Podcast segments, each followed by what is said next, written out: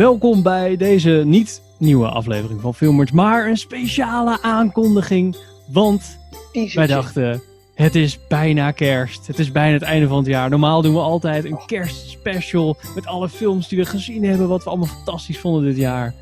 Dat is natuurlijk niet meer helemaal zo dit jaar, want we hebben niet zo heel veel gezien. Maar dachten we, we hebben al wel twee keer de filmquiz gedaan. Dus waarom doen we geen derde filmquiz kerstthema?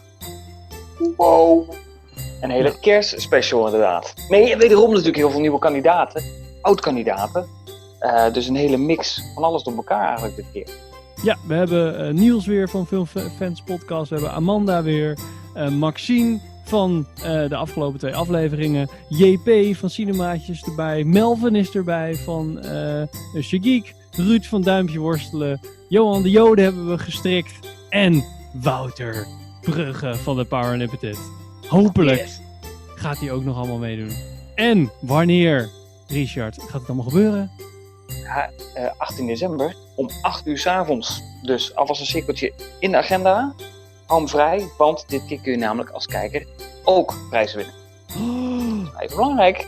Precies. Wij gaan nog wel even een Facebook-event aanmaken en allemaal dingen, zodat jullie eh, eraan herinnerd worden. Maar zet het in ieder geval in je agenda. 18 december, de Filmers Filmquiz kerstspecial.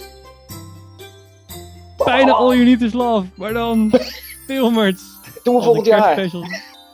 Precies. Dus wees erbij, doe mee, superleuk. En uh, we zien je dan.